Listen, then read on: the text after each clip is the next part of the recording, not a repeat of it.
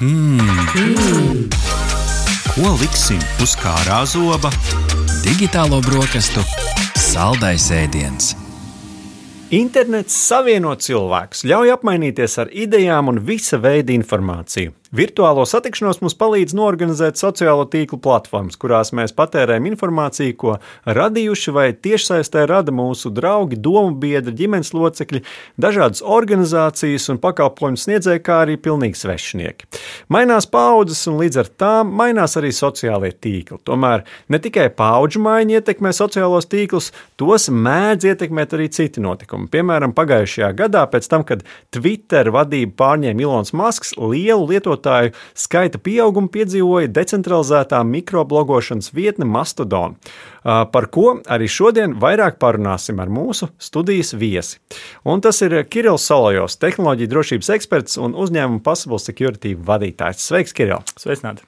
Bet ar audio ierakstu starpniecību ar savām domām raidījumā dalīsies arī Arturs Mednis, kurš ir digitālā mārketinga speciālists, kā arī Dmitrijs Golubevs, kurš ir Mastodon servera tūt.lv izveidotājs Latvijā, nu, kurš pēc dažādiem uh, aprēķiniem šobrīd ir lielākais uh, Mastodon servers, uh, kāds ir šeit mūs, mums Latvijā.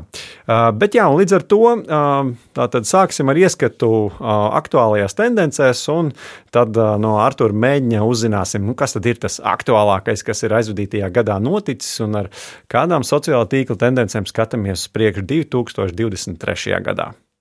Ja tā padomā, ir pagājis tikai gads, un, un nav tā, ka gada laikā pēkšņi baigās izmaiņas tur formātos, auditorijās un tā tālāk notiek sociālajos tīklos.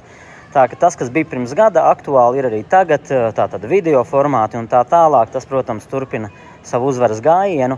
TikToks ir kļuvis par visu laiku, visu laiku līdz šim vispār lejupielādētāko aplikāciju mobilos telefonos.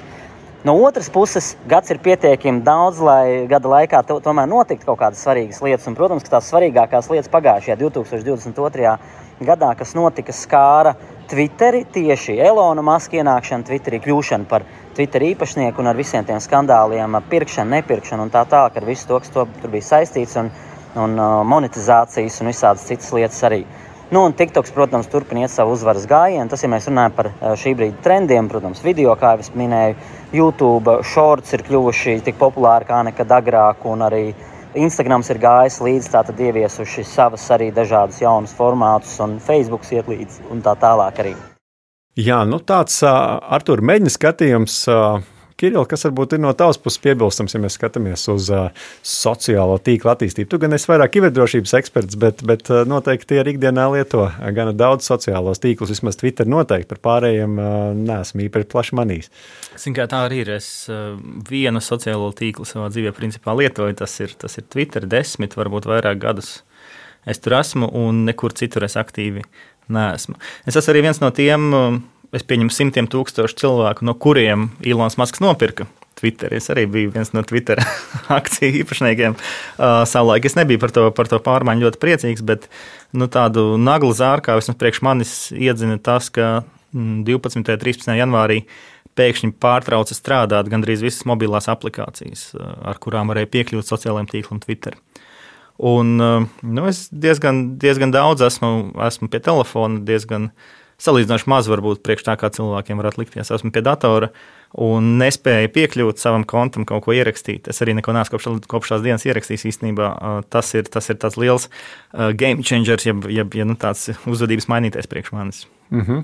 nu jā, tad, tad, tās ir tās nosīt trešo pušu lietotnes, kas ļāva skatīties arī Twitter saturu, kur, kurš šobrīd vairs nav pieejams. Starp citu, mēs arī LSM mūsu sekotājiem jautājām, kā tu vērtē Twitter platformas pārmaiņas līdz ar Ilona Maska pievienošanos. Nu, tad jāsaka, ka LSM Instagram sekotāji dalās tādās trīs nometnēs. Vieni, kuri vērtē negatīvi, vairākums, kuri nejūt nekādas izmaiņas, nu, kā arī tās neliels skaits, kuri minēja, ka vērtē pat pozitīvi negatīvi to, ka šāda izmaiņa notikusi. Tā kā, nu, tādas trīs nometnes, bet nu, es teiktu, ka pamatā jau neitrāls vērtējums.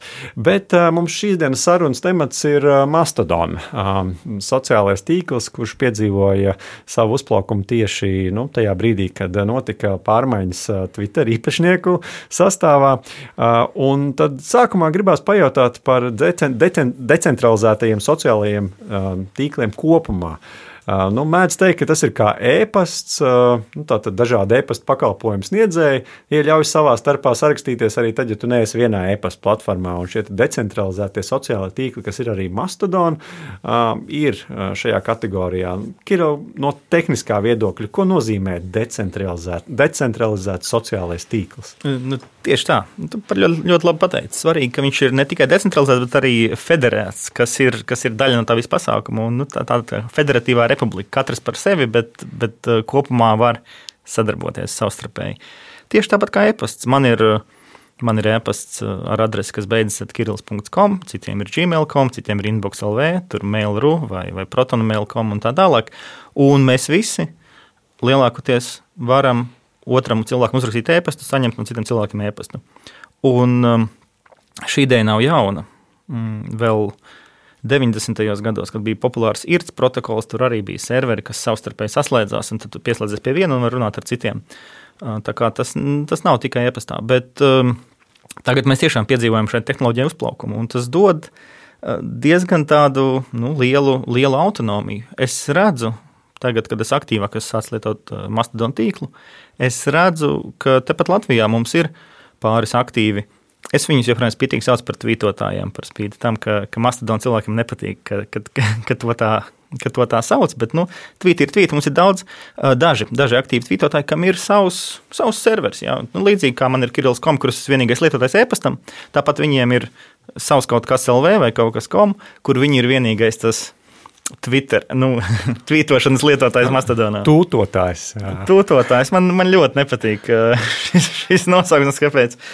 Jā, starp citu, um, Twitterī, kurā es tagad, tagad tādā skatīšanas režīmā reizes dienā ieeju no datora, um, cilvēki, cilvēki ir pieteikušies, ka Twitter esmu izgudrojis es kaut kāds, kaut kāds tur čalis, un, un, un, un kad viņš tā kā negrib, ka Twitters, ka Twitters izmanto šo vārdu, nu, to darbības vārdu, tvītot, jā, ka mm -hmm. tas ir tā cilvēka vārds. Tāpēc es, es uz tā tā sakot, būvējot arī turpinu izmantot šajā te mm -hmm. sociālajā tīklā. Jā, nu un tad sanāk tā, ka šī saziņa starp serveriem šādos decentralizētos, federētos sociālos tīklos notiek izmantojot kaut kādu vienotu protokolu. Jā, tas ir tas veids, kā viņi sazinās, vai, vai kas tas ir? Jā, tieši tā, tie protokoli, kas tur fonā ir, tie ir dažādi. Mastodon izmanto pamatā Activity pub protokolu, un lietotājiem par to nav jādomā. Līdzīgi kā sūtot e-pastu, nedomā, vai tu sūti tur, turpat no Gmail uz Gmail vai citurieni. Jā, tu gribi komunicēt, ja tu, ja tu gribi lasīt, vai tu gribi parakstīties uz kādu, kurš ir uz citu servera, fonā viss notiks, serveri sazināsies un pados viens otram ziņu. Ir jāsaka daži mm, trūkumi. Šobrīd šim protokolam, lielākais, ko es redzu tieši jauniem lietotājiem, kas, teiksim, nākotnē pievienosies Mastodonam, šis protokols neparedz iespēju ar tā veidā apskatīties, mm, ko tas cilvēks ir rakstījis pirms tu esi viņam piesakojis. Mm -hmm, tā tad vēsture nevar iepazīties. Jā, jā, tev jāspiež uz linka, tad tu nokļūsi citā serverī, un tu to visu vari tur redzēt. Bet es domāju, tas tiks atrisināts. Tagad tiešām mēs redzam, mēs redzam lielu šo te. Teikapu, tātad daudz lietotāju nāk klāt, daudz lietotāju sāk lietot. Es pats Mastodonu lietoju 4. gadu, bet aktīvi sāku lietot tagad kopš janvāra vidus. Uh -huh. uh, Mēdz runāt par metaverse un fediverse. Vai tu esi kaut ko dzirdējis par šādiem konceptiem un uh, kas tur ir kopīgs un atšķirīgs? Nu, jā, redz, eh, metaverse pamatā tā doma ir tāda, ka mēs eh, pārvēršam mūsu digitālo vidi par, par, par kaut ko reālāku. Mēs viņu tā kā eh, padarām tādu, ka mēs tur jūtamies, ka mēs esam iekšā. Mums viss ir, mums viss ir apkārt, izmantojot dažādas tehnoloģijas, teiksim, virtuālo realitāti, paplašinātu realitāti un tam līdzīgi. Um, Fedivers ir, ir, ir savukārt tā pasaule, kur viss ir skaisti un, un, un, un federēti. Jā. Tas sevi Es domāju, tādā plašākā definīcijā tas sev ietver e-pasta serverus, tas ietver šos te, uh, mastodonus, tas, uh, tas ietver uh, diasporu, kas arī ir vēl viens, uh, vēl viens šāds rīks, teiksim, to pašu IRC čatu un tā tālāk. Ja. Kopīgais varbūt, uh, varbūt ir tas, ka uh, metaverse, lai gan viņam ir liels risks, ka tas tā nenotiks. Bet principā metaversa doma arī ir federēta. Ja, -hmm. Tas Web 3.0, ka tev pieder tās tavas lietas, un tu vari viņas savākt, to savu digitālo īpašumu un iet citur. Um, Es esmu diezgan drošs, ka, ka, ka uzņēmums, kura uh, nosaukuma pirmie četri burti sakrīt ar vārdu metavers, pirmiem četriem burtiem, uh, ka, viņi, ka viņa ideja ir bijusi cita. Mm -hmm, jā, nu, tā, tā varētu būt. Jā, viņi gribētu monopolu uz to. Mm -hmm. Bet, jā, nu, tad ķersimies varbūt tam vērsim pie ragiem. Esam sapratuši, varbūt, kas ir tās šobrīd tendences un kāpēc varbūt arī Mastodon vispār varētu būt aktuāls un kā tad strādā šie federētie, decentralizētie sociālie tīkli. Un tad pajautājām arī Arturam Mednim, kas tad viņa prāt ir metavers un kāds atšķirās no sociālā tīkla. Ja mēs tā konkrētāk runājam par Mastodonu, kas ir Mastodons, ja neskaidro to, ka, manuprāt, tā ir viena heavy metāla grupa arī, bet uh, mūsu šodienas kontekstā sarunas. Ja, nav tā, ka Mastodona ir jauns sociālais tīkls, kas radies tikko, lai nospērtu no Twitter lietotājus, kas ir nolēmuši Twitter pamest dažādu iemeslu dēļ, tur galvenokārt saistīti ar jauno Twitter politiku un Elona izgājieniem un tā tālāk. Mastodons jau bija kādu laiku, jau pirms tam, pirms visa šī, šīs jēzgas ar, ar Elonu Masku. Ja. Un Mastodons nav gluži precīza Twitter kopija. Tad daļa cilvēku, kas pamat Twitteri, pāriet uz Mastodonu, domādami, ka tur viņi saskarsies ar tieši tādu pašu lietotāju pieredzi, ar tieši tādu pašu funkcionalitāti, ka domās, ka tur ir tieši tas pats un tādi paši cilvēki. Un, un, un, un tā tālāk. Tā, tā. Bet tā gluži nav. Un es ticu, ka, ja ne puse, tad trešdaļa šo cilvēku, kas pamatuši Twitter un aizgājuši Mazadonu, vienkārši būs nedaudz vīlušies. Jo tas nav tas pats, tas ir drusku citādāk. Ja? Tā tad tīri tehniski es jau stāstīju, tas ir citādāks. Tur ir šie serveri un tā tālāk, kas ar citu ir pat arī labi. Tas nozīmē, ka jebkura interešu grupa, jebkura organizācija, jebkurš klubiņš var izveidot savu, jebkurš mēdījis var izveidot savu mastodonu, arī kas ir forši. Apvienojam tāds bezmaksas rīks, kur, kur visi mūsu lasītāji vai klienti var savā starpā tusēt un tā tālāk. Tas ir superīgi. Ja? Mastodons ir citādāks. Un, nevarētu teikt, ka Mastodons ir Twitter aizstājējis. Lai gan es nešaubos, ka Mastodons kaut kādus labus rezultātus sasniegs. Arī Discordam labi iet. Ja. Mastodonu es salīdzinu drīzāk ar Discordu ne, nekā ar, ar Twitter, ja tā padomā. Lai gan šobrīd, tas, ko es redzu, Macedonā, protams, ir ļoti daudz cilvēki no Twitter ienākuši. Un šī saturs, pat veids, kā viņi noformē savus tvītus un tā tālāk, tur tos treidus taisa un tam līdzīgi. Tas ir līdzīgi kā Twitterī arī. Ja? Bet tā ir cita ekosistēma. Var sakot, ir plusi un mīnusi, un man, ja godīgi sakot, nākotne nav īsti skaidra nevienam, ne otram. Bet es nedomāju, ka Twitteris šī iemesla dēļ, Mastodona dēļ, zaudēs. Mastodons pilnīgi noteikti iegūs šī visa dēļ. Jā, nu tas bija Arthurs Mednis. Kiril, kāpēc tu teiktu, ir vērts reģistrēties Mastodon sociālajā tīklā, mikroblogošanas platformā? Priekš manis Mastodon tā ir brīvība un tā ir dzīve bez stresa. Es eh, draugiem vienmēr esmu teicis, jūs tur lietojat to savu Gmail, jūs lietojat Facebook, Twitter. Jūs saprotat, ka otrā galā nu, tas eh, Twitter gadījumā Ilons Masks, kurš atnāk un ir lielais tas um, vadītājs, kas visu dara pa savam Facebook gadījumā, varbūt tie ir kaut kādi uh, zemāka amatā zemāk esoši cilvēki, bet kāds pieņem lēmumus un var pieņemt lēmumu par to, ka jūs tur vairs neesat gaidīti tajā sociālajā tīklā. Un tur ir ne tikai jūsu dati, tur arī jūsu sociālais grafs, jūsu draugi. Un, uh, nu, tā, tā, tā ikdienas realitāte pēdējo vairāk kā desmit gadu laikā mani pārliecināja par pretējo nedaudz. Ja, varbūt nevajag satraukties. Par spīti tam, ka es regulāri ar, ar, ar tādu pietiekamu intensitāti visu laiku visiem saku, par šito jāpadomā, par to ir jāstraucās. Un tas, kas notika tagad 23. gada sākumā, uh, tas to, tas to ļoti labi parāda. Vienkārši vienā brīdī, vienā brīdī tev nekā no tā vairs nav. Un es, es jutos ļoti atvieglots tajā brīdī, kad es uh, uztaisīju savu, uh, savu Mastodon serveri, um, pieslēdzos tam tīklam. Uh, un um, savācu, savācu atpakaļ daļu no saviem, no saviem draugiem. Kā jau teicu, es Mastodon lietoju labu laiku, un tagad man beidzot ir iespēja, -hmm. ja es gribu uh, sazināties angliski, man tas mans četrus gadus vecais konts, tur man, man ir uh, kiberdrošības uh, draugi, dažādi pasaules eksperti un tam līdzīgi, un, un, un beidzot es varu tvītot latviski tajā, tajā -hmm. Mastodonā. Es pat atradu rīku, kurš ļauj tev automātiski no Twitter, no taviem Twitter cilvēkiem, kuriem sako Twitterī, atrast viņu Mastodon kontus. Man izdevās 10% atrast no 1600, 160 man izdevās identificēt ar šī rīka palīdzību, un es viņiem piesakoju.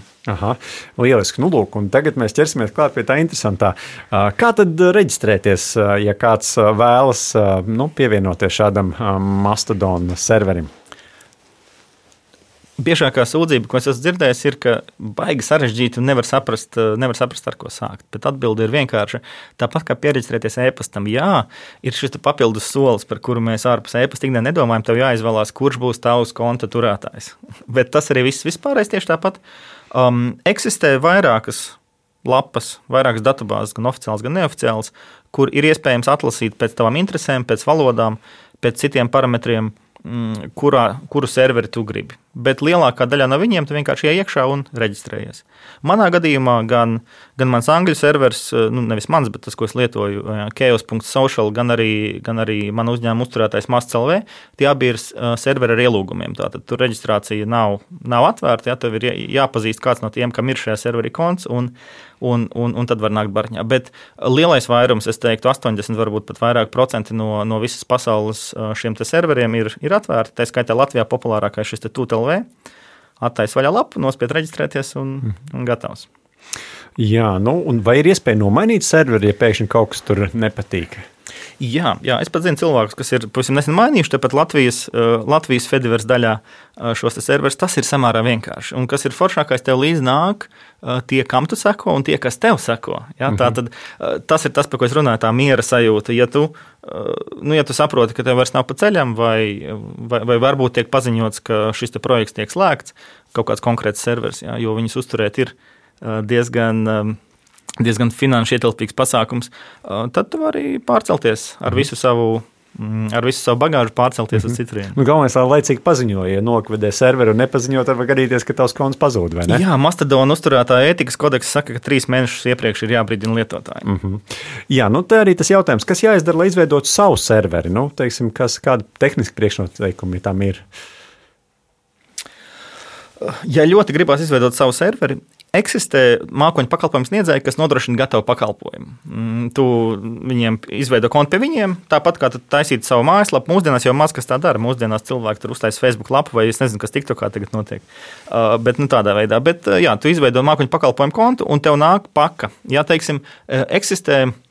Um, es zinu, ka ir, ka ir tādi komplekti, kas ļauj tev izveidot savu video zvanu serveri. Ir komplekts, kas ļauj izveidot savu e-pasta serveri. Un līdzīgi Man liekas, ka Digital Ocean ir, ir, ir, ir viens no populārākajiem, kas piedāvā gatavu Mastodon serveri. Tu viņu nospied pogu, gatavs. Bet nu, mēs, mēs instalējam paši mm, no nulles. Tas aizņēma nu, kaut kādas trīs stundas visu, visu pareizi, pareizi eh, sakonfigurēt. Jā. Mm -hmm. Jā, nu un tad uh, mēs pajautājām arī uh, TUT LV izveidotājiem Dmitrijam Golubevam, uh, nu, kā tad, kādi ir viņa uh, pirmie secinājumi un uh, kāpēc viņš arī vispār pievērsās uh, Mastodon. Klausīsimies Dmitriju Golubevu. Parādījās ziņa, ka Ilons Masks taisās pārņemt Twitteri, ieraudzīja, ka vairāk cilvēkiem sekoja un dažādu iemeslu dēļ uh, ir pievienojušies Mastodon tīklam. Šī, protams, nebija vienīgā alternatīva Twitterim, taču, kā atvērtā koda piekritējiem, mani interesē pievienoties arī to starp bija tīri tehniski, kā tāds atvērts decentralizēts tīkls varētu strādāt. Savu serveru uztaisīju, jo tobrīd nebija atsevišķa servera latviešiem. Tad nu, katrs pievienojas dažādiem serveriem, tad viņi jāmeklē. Krietni ātrāk, kad jau viens otram pazīstamie cilvēki no Twittera pievienojas vienu vietu, nekas nav īpaši jāmeklē. Tad eh, tās sarunas kopumā ir diezgan interesanta pieredze. Uh, interesanti, ka šobrīd vismaz mūsu serverī uh, vide nav tik toksiska, kā reizēm tā ir Twitterī. Protams, lai tā tas būtu arī turpmāk, ir arī servera noteikta un moderatora komanda. Viens pats moderēt serveri, es noteikti neprakstītos vēl viena atziņa ir, ka tomēr nu, diezgan daudz uh, aizņem vietas lietotāji ievietotas bildes un video. Nu, tas, tas jāņem vērā, protams, veidojot jaunu serveri. Bet tā nu, veidojas foršas sarunas un cerams, ka tā būs arī turpmāk. Jā, nu, paldies. Tas bija Dmitrijs Golubevs, kurš šobrīd koordinē principā lielāko Latvijas mastodonu serveru. Viņš saskarās ar problēmu, ka grūti uzturēt visas bildes un video, ko tad attiecīgi, attiecīgi viņa, viņa serverī jāielādē. Kā Kiril, tavā pusē, tu jau arī uzturi savu serveri. Jā, mēs sākām, sākām ar tādu nelielu serverīti, tikko, tikko tagad janvārī, mm, janvārī palaidām. Domēnu Mastelvē gan nopirkām uz pieciem gadiem. Man, man un dažiem maniem, dažiem maniem kolēģiem, kas ar mani strādā, ir pieredze ar dažādu ilgtermiņa bezpēļņas projektu uzturēšanu. Es domāju, to tas tāds no mūsu puses tāda apņemšanās vismaz piecus gadus to to vietni, to vietni tomēr darbināt. Par spīti tam, ka mums ir servers ar ielūgumiem, līdz ar to lietotāju skaits ir 40 um, reizes mazāks nekā, nekā TUTLV, uh, vietas uh, prasības ir, ir diezgan milzīgas. Ja, jo, jo mm. Mēs iepriekš runājām par to, kādā veidā tie serveri sazinās savā starpā. Un viena no lietām, ko mēs gribam, mēs gribam, lai lietotājs tajā brīdī, kad viņš lasa savu to ziņu lenti, ka viņam parādās tās bildes, tie, tie video, viņi tur ir pieejami. Mēs negribam tajā brīdī viņus vilkt kaut kur no uh, Dienvidkorejas vai no, vai no Austrālijas. Uh, tāpēc serveris to izdara fonā. Un, un arī tas, ko ir ielikuši tie cilvēki, kam tā lieta seko, arī tas viss ir jāsaglabā vismaz uz kādu laiku, un tas uh, tiešām paņem daudz mm -hmm. vietas. Jā, nu, ja mēs runājam par Macedoniju ikdienā, nu, tad uh, tādam ierīnas lietotājam, um, vai tas, nu, teiksim, ja tu esi lieto, Twitter lietotājs, tad tas šķitīs ļoti pazīstams, vai tomēr tas ir kaut kas cits? Diezgan, diezgan pazīstams. Es nezinu, vai es varu var Dmitrijam piekrist par to, ka joprojām ir, ir, ir stipri mazāk toksiski nekā, nekā Twitterī, jo nu, cilvēki jau ir cilvēki. Viņi atnāk, viņi sāk runāt, viņi izsaka izsaka savu viedokli. Es biju vienā diskusijā ierakstījis piecus padomus drošai autovadīšanai, un man uzplījās kaut kāda velosipēdists, pilnīgi nepatēma, stāstot, stāstot, cik autodītē ir slikti. Um, bet uh, jā, jā, tas uh, saskarne ir diezgan, diezgan līdzīga. Īstenībā es pats Kopš 13. gada es paskatījos tieši, mm, tieši pirms šodienas. Kopš 13. gada es pats lietoju aplikāciju Tweetbot, kas ir, kas ir viens no Twitter klientiem. Viņu ražotāji ir tieši tikko, tikko izlaiduši aplikāciju Ivory, kas ir principā tāda izlieta kopija. Nu, pogas, pogas citādāks, bet viss ir tajās pašās vietās. Un, ja tu lieto, teiksim, kāda aplikācija visdrīzāk jutīsies pavisam kā mājās. Es gan esmu pārsteigts, ļoti nepatīkami pārsteigts par viņu cenu politikas izvēli. Ja. Šī aplikācija ir divreiz dārgāka nekā Twitter aplikācija, viņai ir abonēšanas maksa, kas arī ir interesanti, ņemot vērā, ka nu, teiksim, Twitterim tur bija tiešām šie izdevumi attiecībā uz to, ka vēl pirms Ilona Maska visu laiku mainījās. Tas veids, kā jāpieslēdz serverim, un, un, un tas prasīja no viņa puses teiksim, daudz darba. Šeit es gaidīju tādu fiksētu cenu, bet nu, nē, 20 eiro 20 eiro gadā ir, ir tas, ko viņi, tas, ko viņi sagaida. Mhm. Nu, ja mēs varam tā pavisam īsti, tad es saprotu, ka um, timelines, vai šī ziņu lēna strādā tā, ka tur, tur redz visu pēc uh, kārtas, nevis tā kā beigās bija mums uh, citos sociālajos tīklos. Uh, Jā, es, es, es biju jau aizmirsis. Uh, tagad, tagad lielās pārmaiņas, kas notiek tagad janvāra beigās, īstenībā ir tieši, tieši šis Twitterī. Viņi ar vien sarežģītāk padara piekļūt šeit, šeit normālajai laika mm. līnijai. Un es ļoti novērtēju šo iespēju, ka tu vari sekot līdz chronoloģiski. Mm. Nu jā, un tā meklēšana, satura, hashtagu, citu citu lietotāju tā principā strādā pāri visiem serveriem, tur nav problēma. Tur... Tā tad tur ir, tur ir interesanti. Um, vienīgais serveris, ko es esmu atradis, kurš uh, māca meklēt pēc, pēc tvītu, es viņus saukšu par tvītiem, pēc tvītu satura, ir, ir mūsu serveris. Uh, TUTLV un arī dažādi ārzemju serveri, ko es mēģināju, viņi nemeklē pēc satura, jo tas prasa milzīgus resursus. Mm -hmm. Mēs esam šos resursus, resursus paredzējuši un, un, un tā. Uh, priekš hashtagiem, tā saucamajiem, jā, tēmturiem, uh, ir speciāli. Uh, tehnika, jā, bet turpat meklēšanas lodziņā ieraksta hashtag, tad viņš atrod. Tas strādā. Tas strādā. Un tāpat arī lietotāji. Bet svarīgi jāpaturprātā, ka lietotāji un šie tēmturi tas darbojas. Um, To ierakstu ietvaros, par kuriem serveris ir lietas kursā. Ja, tātad, ja, ja tavi lietotāji ir piesakojuši kaut kam, tas ir tas, ko viņš uzzina. Ja tu neuzzini vienkārši visu maģisku, kas notiek visā mhm. pasaulē, un tas ir svarīgi, um, tas ir, tas ir tā specifiski, bet arī man liekas, tas ir diezgan, diezgan forši. Jo tev veidojas, uh, nu, tev veidojas tādi dabiskie kaut kādi geogrāfiskie filtri vai cita veida mhm. filtri. Un, un uh, ir lietas, ir teiksim, vārdi, kurus ierakstot Twitterī meklētājā, Tur puse no ierakstiem ir valodā, ko es nelasu, piemēram, mm -hmm. ķīniešu valodā, lai jau tur tāds hashtags vienkārši pielikts. Jā, un tev kā drošības ekspertam noslēdzošais jautājums, vai decentralizētā sociālā tīklā mums vairāk jāuztrauc par savu datu drošību?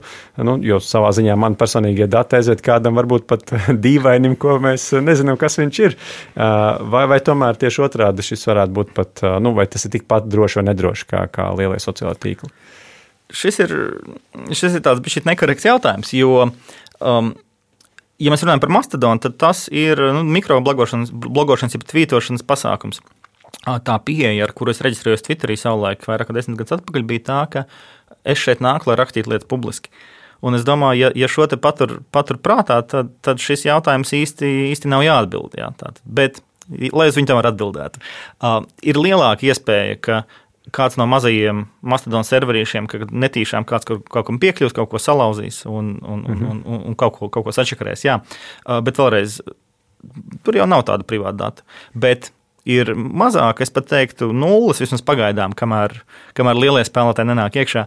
Ir nulles iespēja, ka tīkla turētāji speciāli izmantos mūsu datus, lai profilētu, lai gūtu peļņu, nu, lai, mm -hmm. lai pārvērstu lietotāju par produktu tad uh, boti un reklāmas būs mazāk Mastodonā. Tas viss ir decentralizēts. Tiklīdz, tiklīdz tu redzi, ka kādā serverī ir, ir, ir tikai boti vai tikai sliktie boti, viņi mm -hmm. viņu nu, nobloķē un, un viņš vairs nav redzams. Jā, nu, lūk. Liels paldies uh, Kirolam Solojam par to, ka viņš bija kopā ar mums šeit, digitālajās brokastīs. Esam ieskatījušies jaunajā uh, mikroblogošanas platformā Mastodon.